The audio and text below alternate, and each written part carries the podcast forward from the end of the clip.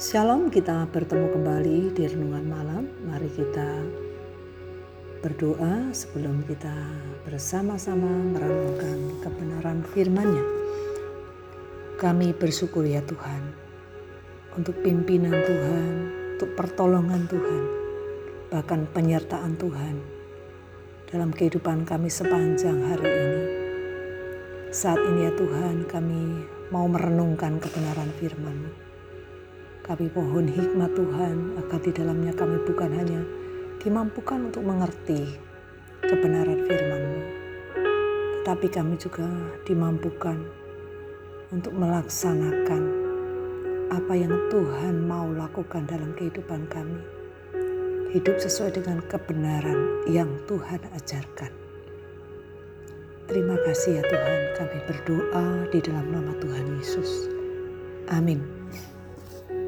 Mari kita memperhatikan dari kitab 2 Yohanes pasal 1 ayat 7 hingga 11. Demikian firman Tuhan. Sebab banyak penyesat telah muncul dan pergi ke seluruh dunia yang tidak mengaku bahwa Yesus Kristus telah datang sebagai manusia. Itu adalah si penyesat dan antikristus. Waspadalah supaya kamu jangan kehilangan apa yang telah kami kerjakan itu, tetapi supaya kamu mendapat upahmu sepenuhnya. Setiap orang yang tidak tinggal di dalam ajaran Kristus, tetapi yang melangkah keluar dari situ, tidak memiliki Allah. Barang siapa tinggal di dalam ajaran itu, ia memiliki bapa maupun anak.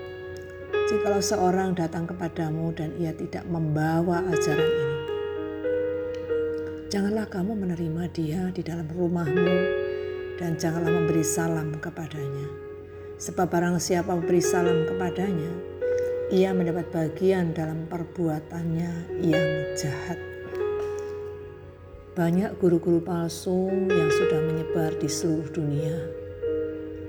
Mereka tidak mengakui bahwa Yesus telah datang ke dunia sebagai manusia.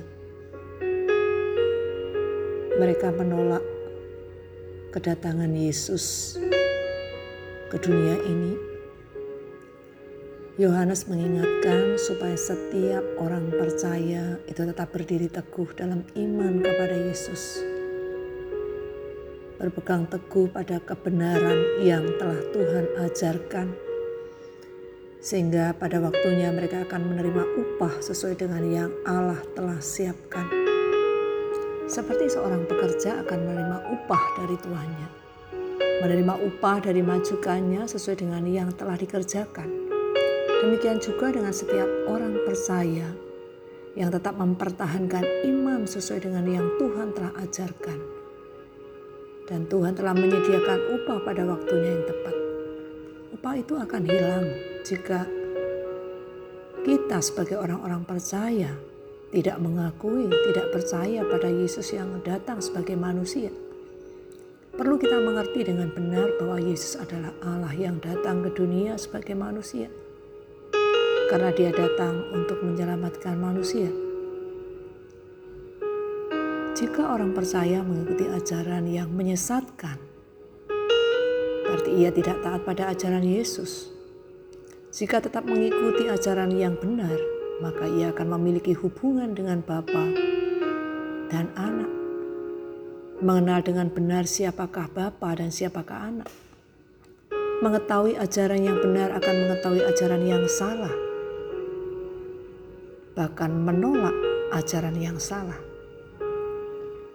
Yohanes juga memperingatkan pada jemaat saat itu jika ada seorang yang datang ke rumahnya tidak memberitakan ajaran yang benar, selain ajaran Yesus, janganlah diterima dan janganlah memberi salam, karena barang siapa memberi salam sama dengan menolong, pendukung. Apa yang diajarkan padahal itu salah. Ingatlah Yesus datang ke dunia sebagai manusia, supaya manusia dapat mengenal Allah, supaya manusia memiliki kedekatan dengan Allah. Biarlah makin mengenal Allah, kita makin mengandalkan Allah. Karena percaya bahwa apa yang diajarkannya bukan hanya membawa kita mengerti bahwa kita diselamatkan, tetapi selama kita masih ada dalam dunia ini, Kita percaya bahwa Dia akan menuntun kita berjalan pada jalan yang benar, sesuai dengan kehendaknya. Yesus adalah manusia dan Allah yang sejati. Kita berdoa. Bapa yang di surga, kami berterima kasih. Jika Engkau Allah yang sejati datang ke dalam dunia ini untuk mencari kami, orang-orang berdosa. Engkau sebagai manusia datang mencari kami manusia yang berdosa agar di dalamnya kami dapat mengenal Allah kami.